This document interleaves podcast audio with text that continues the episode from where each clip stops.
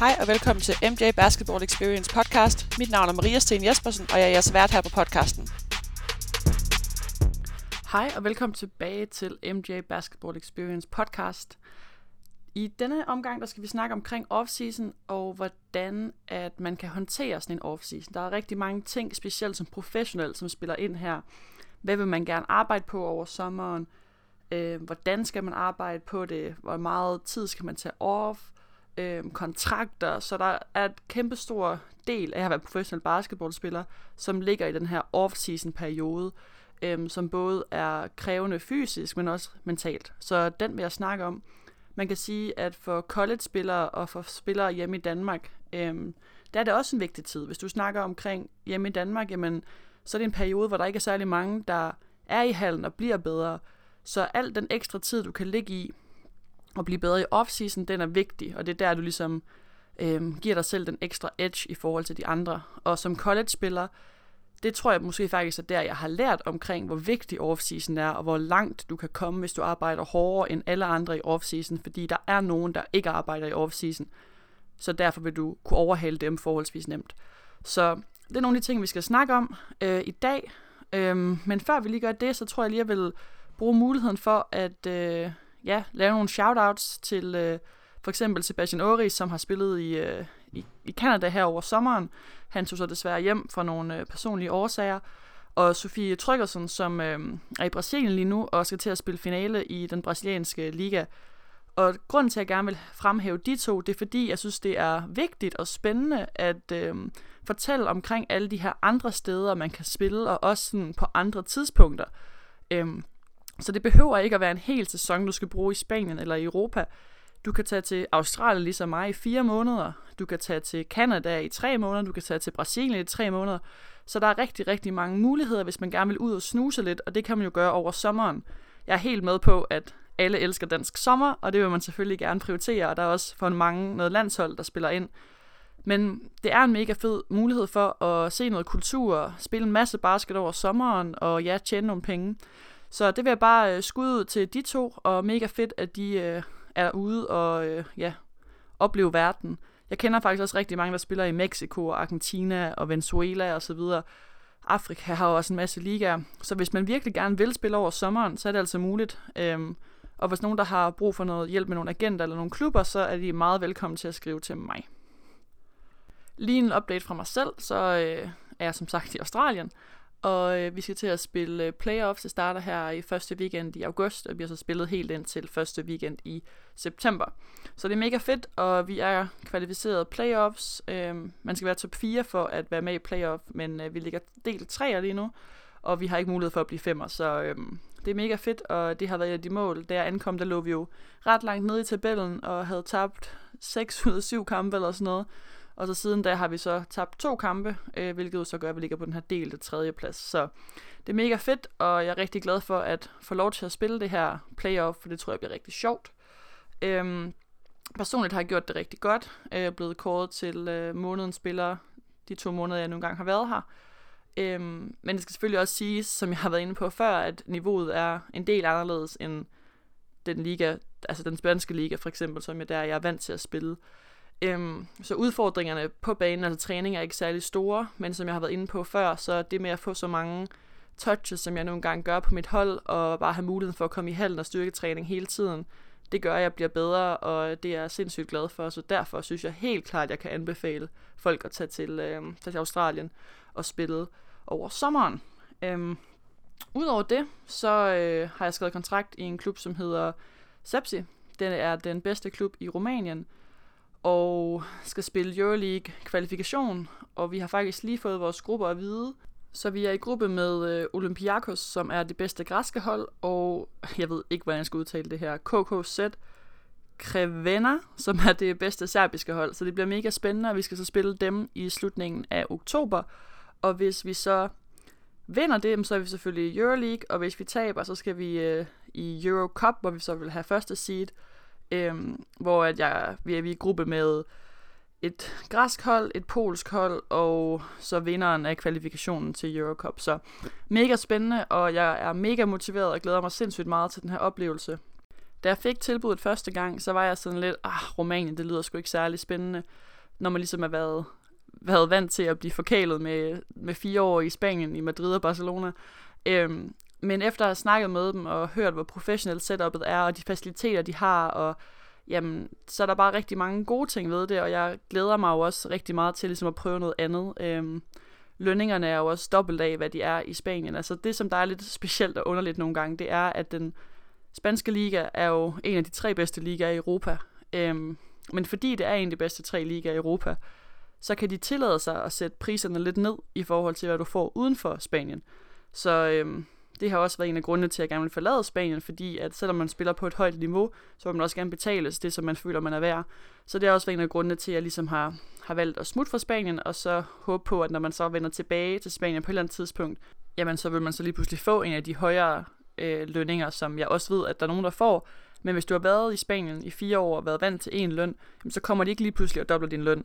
Men hvis du tager væk fra Spanien, så dobler de din løn, og så kommer du tilbage igen, og så kan de ikke bare mini, altså halvere din løn igen.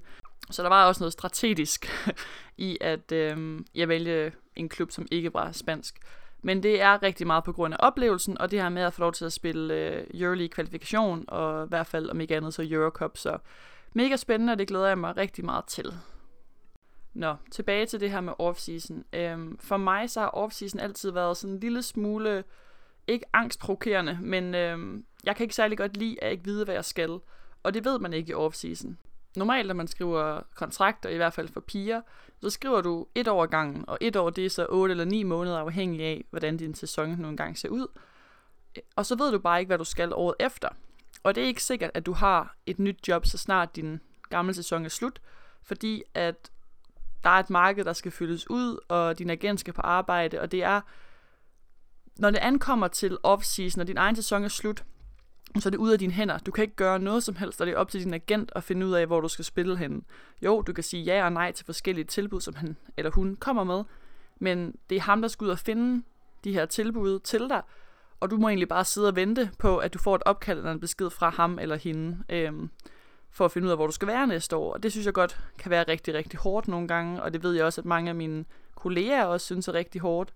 Og hvis man ikke selv er inde i gamet, hvis ikke du er professionel atlet selv, jamen så forstår du ikke, at det er normalt, for eksempel, at vi er inde i juli måned, og du har ikke nødvendigvis et job til august eller september. Fordi nogle gange så går det bare lidt langsommere i forskellige ligaer, og så videre, så videre. Måske er din agent ikke god nok, måske har du ikke selv haft en super god sæson, måske er du kritisk over, hvor du gerne vil spille hen, og har nogle helt bestemte holdninger til det. Så der er rigtig mange ting, der spiller ind, øh, men det er noget, øh, vi alle sammen ligesom går igennem, og ja, det er lidt, øh, det er sgu hårdt at, at sidde med nogle gange at sidde i. For mig så har det her nok været den hårdeste off-season i og med, altså i forhold til, at jeg har skrevet under forholdsvis sent i forhold til, hvad jeg har gjort de andre år. Og det har været hårdt at, at sidde i. Det har selvfølgelig hjulpet mig helt vildt, at jeg så har spillet i Australien, imens jeg har ventet på at få en kontrakt. Men øh, det er stadig rigtig hårdt, at der går så lang tid. Og for mig så startede nogle gange det her lidt ængstlige, øh, oh nej, hvad skal der ske? Allerede sådan den sidste måned af sæsonen. Øhm, hvis jeg har en dårlig kamp, eller jeg kan se min stats, de langsomt på vej ned, ligesom de var i Liga i år, så begynder jeg allerede der at tænke, oh nej, nu kommer jeg til at ikke få de jobs, jeg gerne vil have, og der mistede jeg lige 1000 euro om måneden, på min, fordi jeg har haft nogle par dårlige kampe, og så videre, og så videre.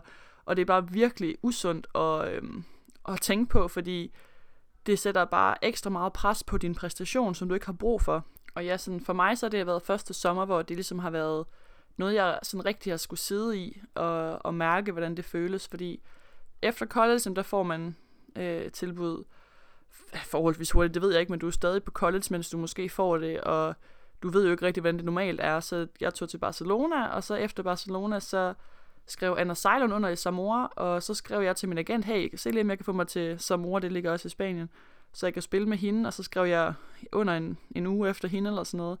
Og året efter, jamen, der fik jeg en kontrakt fra Laseo, før min egen sæson var færdig. Så smuttede jeg fra Laseo til Leganes, rykkede op med Leganes. Det var en halvanden års kontrakt, så jeg vidste, at jeg skulle spille Leganes igen året efter. Og hvis I har lyttet til min podcast her de sidste, sidste måneder i Leganes, så var det jo rigtig hårdt for mig, fordi jeg gik fra at være jamen, topscorer for mit hold, og en af de vigtigste spillere til at spille øh, 6 minutter i de sidste par kampe. Øhm, og der går man jo lige pludselig fra at have nogle rigtig store klubber, der ringer til en over i december, og spørger, om jeg ikke vil skifte fra Leganes og komme over til dem, hvor jeg var sådan, nej, jeg vil gerne færdiggøre min sæson her. Og så ligesom sker der et eller andet i, med min træner og den måde, vi skal spille på, og han synes ikke, jeg passer ind, og selvfølgelig min skade har også noget med det at gøre, men det er også lige meget, fordi at det, der sker, det er at begynde at spille mindre og mindre og mindre. Og når man spiller mindre, så har man dårligere stats, og har også været skadet, og det tæller også ind, og lige pludselig så er man ikke lige så high caliber player mere. Øhm, så det var øh, mega svært at sidde med, og gik fra at have alle de her drømme omkring, hvad der skulle ske den sæson, som kommer nu, til at være sådan, åh oh, nej, bare jeg kan få den samme løn, som jeg får lige nu, og ej, jeg kan vide, om jeg overhovedet kan spille nu. Altså, man begynder bare at skabe alle de her virkelig usunde tanker op i sit hoved, som ikke er særlig sjovt, men som er en del af det at være professionel atlet, og som jeg tror alle går igennem, og jeg synes også, det er okay, at man åbner op og snakker om det. Man behøver ikke at være mega cool og collected hele tiden. Man må også gerne sige, ja, det er sgu lidt ubehageligt, men der skal nok komme noget. Og det gjorde der jo så heldigvis også, og udover måske landet Rumænien, så øh, er den her kontrakt, eller det her næste år, jeg kunne ikke øh, have skrevet det meget bedre selv. Og Rumænien er sikkert også et fedt land. Øh, det skal nok blive okay. Øh, men ja, det er bare øh, virkelig ubehageligt at sidde i. Så det vil jeg bare lige prøve at dele med jer, så I kan få en, et indblik i, hvad det også vil sige at være professionel. Øhm, så tror jeg lige hurtigt, jeg vil forklare, hvordan at det fungerer med min agent øh, i forhold til at finde jobs til mig. Så selvfølgelig så har han øh, min stats og mine highlights og sådan noget, som han jo sender ud. Øh, men det, som jeg altid gør, det er, at mere eller mindre så snart min sæson er slut, så ringer jeg til min agent. Så kommer jeg med nogle øh, forholdsvis øh, klare øh, guidelines for, hvor jeg gerne vil spille henne, og hvad for et niveau jeg gerne vil spille på, og jeg gerne vil have min egen lejlighed, jeg vil gerne have min egen bil, jeg vil gerne have en løn, der ser sådan her ud, og så går han på arbejde. Øhm, og ja, det er selvfølgelig, alle vil selvfølgelig til Spanien, Frankrig og Italien. Det vil jeg også rigtig gerne selv i år. Jeg vil rigtig gerne have taget til Italien. Havde faktisk et, øh, en kontrakt liggende fra et hold i øh, Florence, hvad hedder det, Firenze på, øh, på dansk. Øhm, og var mega excited over det, og den falder så igennem i sidste øjeblik. Og det var også mega hårdt. Så der var rigtig mange ting, man ikke ser udefra. Øhm, alle ens drømme og sådan noget der over off-season, det, det, det bliver bare meget sjældent, som man gerne vil have det i hvert fald. Så anyway, øhm, så jeg fortæller min agent omkring de her ting, og så går han på arbejde, og så er han sådan, jamen han kan ikke fortælle mig, hvor lang tid der vil gå. Det kan være, at han ringer i morgen med det første offer, det kan også være, at han ringer om to måneder. Øhm, så for mig, så skulle jeg vente helt til...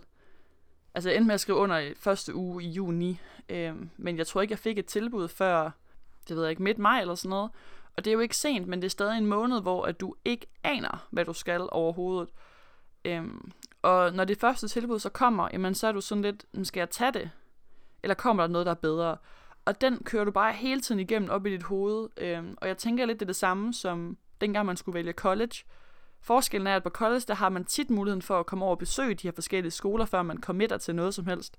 Hvor at her, så er det bare sådan, at du må gå ind og kigge på klubben på Google og høre, hvad din agent har at sige. Altså man, det kan ikke understreges nok, hvor stor betydning en agent har for, øhm, for hvor du kommer hen, og om du finder noget, der er godt for dig. Og, og hvis din agent kender dig godt, så vil han altid putte dig et sted hen, der er godt for dig, og ikke bare gøre, hvor han kan tjene flest penge.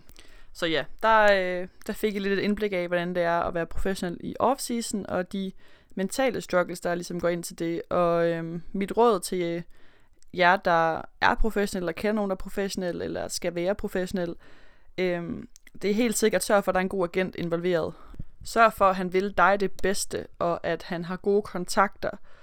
Øh, så skal det nok gå alt sammen. Det er ligesom at gå til eksamen når du kommer ud fra eksamen, så har du leveret den præstation, du nu engang har, og så er der ikke andet at gøre, end at sidde og vente på, at du får en karakter. Og den karakter i det her tilfælde er så de forskellige kontrakter, du kommer til at få. Men når du sidder derude, så kan du selvfølgelig godt ærge dig over, ej, jeg sagde noget dumt der, eller jeg svarede forkert på det her spørgsmål. Men det er gjort. Der er ikke, du kan ikke gøre mere, end det du allerede har. Så bare prøv at nyde, at du endelig har en måned, hvor du ikke behøver at spille basket. Og så skal det nok komme. En af mine holdkammerater, hun sagde til mig i år, øh, hvor vi snakkede omkring de her ting, hvor hun var sådan, there's a place for everyone. Og det er så rigtigt. Så jeg tror, at man skal selvfølgelig, det er selvfølgelig helt forståeligt, det kan jeg jo også selv genkende til, at man har det sådan her, Men det bedste, man kan gøre, det er bare at acceptere, om det er ude af min kontrol. Så lad os bare se, hvad der sker, og så bare få det bedste ud af den her måned, eller to måneder, eller sommer, indtil jeg finder ud af, hvor jeg så skal være henne. Så det, øh, det var mine tanker omkring det. Så tror jeg, jeg vil gå i gang med at snakke omkring off-season træning, øh, som er en øh, kæmpestor del af, af mig, og noget, som jeg tror har gjort rigtig meget for min succes, øh, at jeg har trænet så hårdt, som jeg har over sommeren, eller har forsøgt i hvert fald. Fordi noget af det, jeg synes, der har været aller, aller, aller mest frustrerende som professionel, det er at være hjemme over sommeren. Fordi nu er jeg jo fra Aarhus af, og det er meget limited, hvad, øh, hvad for nogle haller du kan komme ind i. Det er meget limited, hvad, hvad for nogle spillere der er, du kan spille med. Fordi det, vi er bare ikke særlig mange øh, kvindelige basketballspillere i, i Aarhus, specielt ikke nogen på min alder. Og øh, derfor har jeg altid synes, det har været mega hårdt at være hjemme, fordi det kræver sindssygt meget af dig selv, at du selv tager initiativ og ringer rundt. Altså jeg kan ikke forklare, hvor mange jeg har ringet rundt til, for at prøve at spørge, om jeg kommer ind i en hal. Og sådan, jeg vil gerne betale for det, jeg skal bare ind i en hal. øhm, endte så med, at jeg har, fået, altså, at jeg har fået et godt sted nu, hvor jeg kan træne, når jeg er hjemme over sommeren. Men igen, så er det bare mig og min bold, og så prøver jeg at rive min lillebror med den ene dag, og en anden ven den anden dag, og så må jeg tage i halen alene den tredje dag, og sådan synes jeg bare lidt, at det, at det fortsætter og fortsætter. Øhm, og derfor kan det godt være lidt hårdt også, fordi man hurtigt sådan lidt går død i motivationen, fordi ja, det hele skal bare komme fra en selv. Det er ikke ligesom, når du er i college, hvor at, jeg synes, college-sommerne var det fedeste, fordi man var der forholdsvis få mennesker, og det var totalt individuelt, og der var en hel masse mennesker, som bare levede og åndede for at gøre dig bedre. Øhm, så det synes jeg var mega fedt, og jeg tror også, det var der, det gik op for mig, hvor meget man kan rykke sig over sommeren. Så var det her, jeg også snakkede om til at starte med, at der er rigtig mange, der bare holder de her tre eller fire måneder sommerferie, hvor de, ja, de løber måske en tur om ugen, og så spiller de lidt pille ud ude i haven med noget familie og nogle venner, og så tror de, at de er klar til en ny sæson. Og de er så helt sikkert også klar, men de er ikke klar, hvis de har nogle drømme og nogle mål, de gerne vil opnå. Og det fandt jeg ud af på college, hvor langt man rykker sig øhm, der. Og det er derfor, at når jeg er hjemme over sommeren, så vil jeg gerne i halen hver dag, og jeg vil gerne gøre en hel masse ting. Og jeg vil ønske, der var en dansk øh, personal coach, som jeg kunne komme hjem til hver eneste sommer og betale for, og så kunne vi snakke om, hvad skal jeg gøre bedre, la la la. Øhm, den eneste, der sådan lige kan komme i tanke om, det er Rasmus Munk, men det er jo igen i København. Og jeg har faktisk taget til København øh, i en uge, hvor at mit primære fokus, det var bare at træne med Rasmus, fordi der vidste jeg, at der var en, som der ville mig det bedste, og ikke havde andre hensigter, end at gøre mig god og bare nød at træne med mig øhm, og motiverede mig til at træne, så det betyder så sindssygt meget, så alle jer, som er arbejder med talent over sommeren, øh, det betyder sindssygt meget, og tak til jer, som, øh, som der gør det, så kæmpe tak til jer. Øh, for mig selv vil jeg dog sige, at når min sæson er færdig en gang i april, har den været de sidste fire år, fordi jeg ikke har spillet playoff med, i Spanien endnu, øhm, så, øh, så tager jeg altid mindst en måned helt fri fra basket. Det kan godt være, hvis der er noget pick up i Åbyhallen, så tager jeg ned og spiller det. Øhm, men jeg, jeg beslutter mig simpelthen for, nej Maria, du tager ikke i hal, du gør ikke alle de her ting. Øhm, du, nu nyder du bare at være ung pige i Aarhus, og øhm, tager til øh, fitness classes, altså step og øhm, yoga, og spiller tennis og paddeltennis, og løber nogle ture, og bare jeg kobler totalt af mentalt og fysisk fra basket. Øhm, og nogle gange, så har jeg slet ikke lyst til at komme i gang igen. Og så tager jeg halvanden måneds fri. Fordi det er, når man ikke laver andet end at spille basket, øhm, så skal man også virkelig have lyst til det. Så man skal virkelig mærke efter, og sådan, er jeg klar til at starte op igen? Okay, så, så gør vi det. Øh, så ja, en måned, halvanden, før jeg normalt starter op igen. Øhm, ja, i starten, der tog jeg måske kun to-tre uger, fordi at ja, jeg var bare ængstelig for at, ligesom at komme i gang, men jeg har bare fundet ud af, at hvis jeg starter for tidligt, jamen, så mister jeg simpelthen motivationen i august måned. Og august måned er jo den vigtigste måned, rent basketmæssigt og fysisk, at øh, optimere. Fordi det er så tæt på sæsonstart, eller i hvert fald så tæt på, at du skal ned i din nye klub, hvis du er øh, professionel i hvert fald. Så derfor har jeg valgt, at det er meget vigtigere at tage pausen i juni og helt ind til midt juli, hvis man har brug for det, så man kan give den total gas i 10 uger, hvis det der skal tilføre, at øh, man skal være, hvor man nu engang er. Denne her sommer, der startede jeg op 1. juni, og så har jeg ellers bare tænkt mig at køre på indtil til slut august. Øhm, derudover så har jeg hyret en personlig træner, øhm, Bakken Bærses personlige træner faktisk, øh, fordi jeg synes, det var vigtigt, at jeg laver noget træning, som er basketrelevant og som optimerer mine øh, atletiske kompetencer. Øhm, det gælder om at optimere på alle de små parametre, man kan. Og over sommeren, som jeg sagde før, det er et af de steder, hvor du virkelig kan ja, komme længere end dine øh, modstandere, skulle jeg til at sige, hvis du arbejder hårdest og optimerer alle de ting, du kan. Så derfor der valgte jeg, at øh, jeg har brug for en personlig træner, så jeg er helt sikker på, at når jeg rammer Rumænien den 1. september eller sådan noget, jamen så er jeg klar, fuldstændig klar, og fysisk og, øhm, og mentalt også. Øhm, og derfor, det har jeg jo snakket om før, at jeg har en mental træner, jeg også snakker med. Øhm, så det er bare alle de der små ting, som man har meget mere tid til over sommeren, at det er der, man ligesom kan optimere på det, og så over, over sæsonen, jamen, så må man håbe, at man kan maintain det meste, og ellers så, at det ligesom giver pote det, man har gjort over sommeren.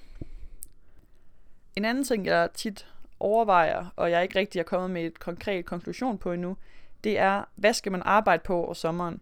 Skal man arbejde på de ting, man er dårligst til, så man kan blive bedre til det? Eller skal man blive sindssygt god til det, man allerede er god til? Og jeg tror længe, at jeg har arbejdet på det, jeg var dårligst til. Øhm, fordi ja, det er selvfølgelig det, jeg er dårligst til, og hvis man kan optimere det, man er dårligst til, jamen, så bliver man bedre. Øhm, og det tror jeg også giver rigtig god mening, indtil man når en vist alder. Øhm, jeg tror, nu er jeg 28 år. Jeg tror aldrig, at jeg bliver sådan en mega ballhandler, øhm, crafty spiller, som laver et eller andet sindssygt side, sidestep, og så skyder et fadeaway skud lige i en eller andens hoved. Sådan tror jeg ikke, jeg er. Jeg tror, at øh, den måde, jeg spillede på, dengang jeg var 10 år, ej, det passer ikke helt, men øh, dengang jeg så måske var 20 år, det er den måde, jeg stadig spiller på nu som 28-årig. Selvfølgelig skyder jeg for eksempel meget bedre for træerne nu, end jeg gjorde dengang, og øh, har meget mere spilforståelse og overblik og forskellige ting, som selvfølgelig er jeg meget bedre, end jeg var for 8 år siden. Men jeg er ikke en anderledes spiller. Jeg er stadig fuldstændig den samme spiller, som jeg var, da jeg var 20. Øhm, det var faktisk rigtig sjovt. Der var øh, en agent, som har nogle spillere i Sepsi, der er min nye klub, som så, at jeg skrev under med, med dem. Og han kontaktede mig, og så var han sådan, ej, jeg kan ikke huske, om du øh, kan huske mig, men jeg spillede i Danmark, mens du også spillede i Danmark. Så han spillede for Copenhagen eller sådan noget, ved, jeg kan ikke huske, hvad det hed dengang, men han spillede over i København. Og han kan huske mig fra Åby Høj, altså før jeg tog på college. Og så sendte han mig noget øh, tape fra, øh, fra i år, altså fra da jeg spillede i Leganes. Og så skrev han, sendte det, og så sagde han, wow, du har godt nok, eller sådan, det er præcis sådan her, jeg husker dig. Og det var egentlig meget sådan interessant at tænke på, at jamen, jeg har måske, selvfølgelig har jeg udviklet mig, men jeg er bare den samme spiller, og det skal jeg ikke prøve at lave om på. Så derfor for mig over sommeren, så er det meget sådan noget med, okay, jeg skal være helt, altså jeg kommer heller aldrig sådan til at være sådan en, der løber omkring 10 screeninger, og så skyder en træer presset. Men hvis der kommer en træer, der er åben, så skal den gå i, og det skal den hver gang. Så der skal jeg være skarp. Øhm, skarp selvfølgelig på nogle pull-ups. Men det jeg er allerbedst til, det er at lave et move, og så ellers bare mod kurven. Øhm, så for mig har det været vigtigt at arbejde på, jamen lave eller noget, nogle gode moves, der går forbi min første defender, øhm, og så forskellige finishes, jamen noget, noget up and under spin moves, øhm, jeg ved ikke, hvad det hedder, det der Kobe move, hvor man dribler ind og så drejer rundt omkring sig selv, jeg ved ikke, om det giver mening, øhm, men ligesom finkæmmet, hvad er det, der kan gøre mig bedre, hvad for nogle moves vil fungere i mit spil, den måde, jeg spiller på nu, og øh, no, en af de ting, man kan gøre for at finde ud af, hvad mangler jeg? Det er at se film af sig selv. Og nogen synes måske, det er mega sådan ananas i egen juice at sidde og, og se sig selv spille. Men det er det overhovedet ikke. Det er faktisk... Øh, det er selvfølgelig fedt, hvis du kun vil se det fede, og kun ser alle dine scoringer og sporer tilbage og ser dem 10 gange. Øhm, men hvis du er konstruktiv og, og ser, hov, hvorfor brænder jeg her? Okay, først, hvor skulle jeg have afleveret den hen? Okay, måske skulle jeg have afleveret den, fordi der var ikke nogen, der var fri, men så var det en god afslutning eller det var en god beslutning, men det var ikke en god afslutning. Hvad kunne jeg have gjort, der kunne have gjort afslutningen bedre? Øhm, skal jeg arbejde noget mere på at drive med kontakt? Skal jeg være bedre til at lave et, et, et skudfinde og så gå altså reverse? Øh, nu bliver det meget teknisk, men jeg håber, I forstår, hvad jeg mener. Øhm, finkæmme, hvis du er en skytte, du løber af en screening, hvorfor brænder jeg det her skud? Er jeg ikke i balance? Øh, brænder jeg konsekvent meget den her, altså fra baseline, fra toppen, så du ligesom går ind og ser, hvor kan jeg optimere mit eget spil, og hvor kan jeg måske det bare en lille smule nyt til mit spil, men som stadig er integreret del af den måde, jeg spiller basket på. Øhm, det synes jeg er helt vildt vigtigt, at man måske prøver at respektere, hvem man er sig selv som spiller, og ikke prøver at tro, at man skal kunne alting, fordi der er ikke nogen, der kan. Øhm, selv LeBron har flaws. der er selv nogle ting, han ikke er særlig god til. Okay, det passer ikke. Men der er nogle ting, han er mindre god til, end, øh, end de ting, der ligesom falder ham naturligt. Den, den del, han... Den måde, han spillede på, da han kom ind i ligaen, og den måde, han spiller på nu, han er stadig den samme spiller, han er bare meget mindre eksplosiv, og nu kan han skyde lidt bedre, fordi det har han arbejdet på, men han er stadig den samme spiller, hvis det giver mening. Altså det er stadig det samme, den samme måde, der bliver spillet basket på. Så hvis du er ung, så synes jeg jo helt sikkert bare, at det handler om at få så mange moves ind i din, øh, in, in your bag, som man siger, over sommeren, og finde ud af, hvad passer til mit spil. Og så når du så bliver ældre og ældre, og bliver sådan en halvgammel spiller ligesom mig, jamen så handler det om, hvad kan jeg optimere? Øh, det bliver også sværere og sværere at lære nye ting, jo ældre du bliver. For eksempel Lorte Zero Step. Øh, det jeg ikke vokset op med, det kom, da jeg var halvvej, altså for to år siden, tror jeg, det ankom til, øh, til Europa. Og jeg har sindssygt svært ved at forstå det. Jeg kan godt træne det, øh, og nogle gange kommer det jo så naturligt i en kamp, men det, er, det falder mig ikke naturligt, ligesom det gør for folk, som måske er seks år yngre end mig, fordi de har de er vokset op med det noget længere tid. Øhm, ja, så det er bare for at sige, at jeg ved, ved, hvad for nogle ting, du skal blive bedre til, og prøve at fokusere på dem over sommeren, øh, men ikke lave et andet sindssygt, som du inderst inden godt ved, du aldrig kommer til at gøre i en kamp. Det tror jeg er det, jeg prøver at sige med den her meget lange forklaring. Og så tror jeg, at det, øh, det sidste, jeg lige hurtigt vil snakke om, det er omkring, hvordan man træner over sommeren. Øhm, nu er alle jo forskellige. Jeg er sådan lidt planlægningstypen, så jeg, som sagt lige før, finder ud af, hvad for nogle ting er det, der vil være beneficial for mig at arbejde med. Så ser jeg måske nogle YouTube-videoer af forskellige spillere, som er rigtig gode til det, jeg gerne vil blive bedre til. Øhm, og så er det bare ellers bare at komme i halen og lave fokus på det. Og selvfølgelig nemmere, hvis man har nogen at gøre det sammen med.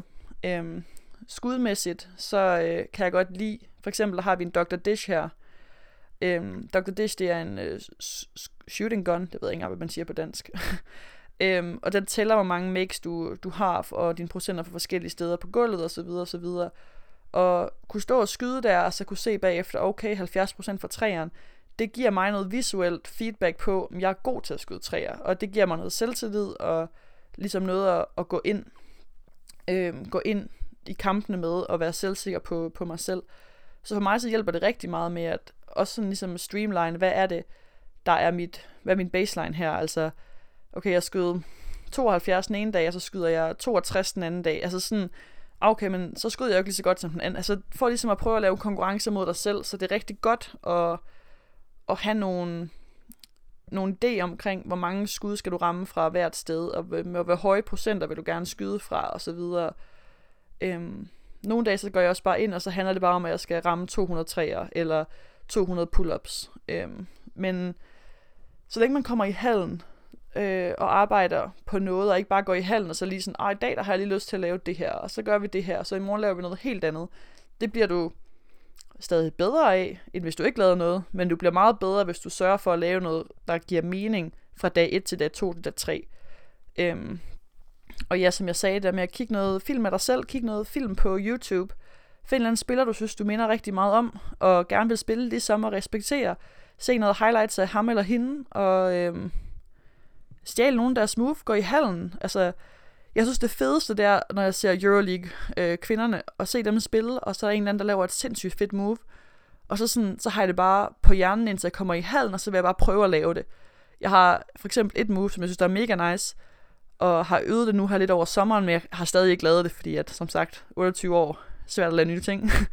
øhm, men, øh, men ja, få noget, få, øh, blive inspireret af andre, og så prøve at tage det i hallen, og se om du kan integrere det i dit eget spil. Og så tror jeg, det aller sidste, jeg vil sige, det er, at dem, der rykker sig allermest over sommeren, det er dem, som har en naturlig dedication øh, for at blive bedre, dem der er målrettet, dem som der gerne vil opnå nogle ting, øh, dem som har disciplin. Altså, hvis du virkelig gerne vil noget, jamen så er det over sommeren, du kan blive aller, aller, aller bedst, og det er der, du kan ligge afstand mellem dig selv og alle andre. Så ja, det tror jeg var det, jeg gerne vil øh, sige i dag. Så øh, skynd jer ind i hallerne og blive bedre i den her off-season.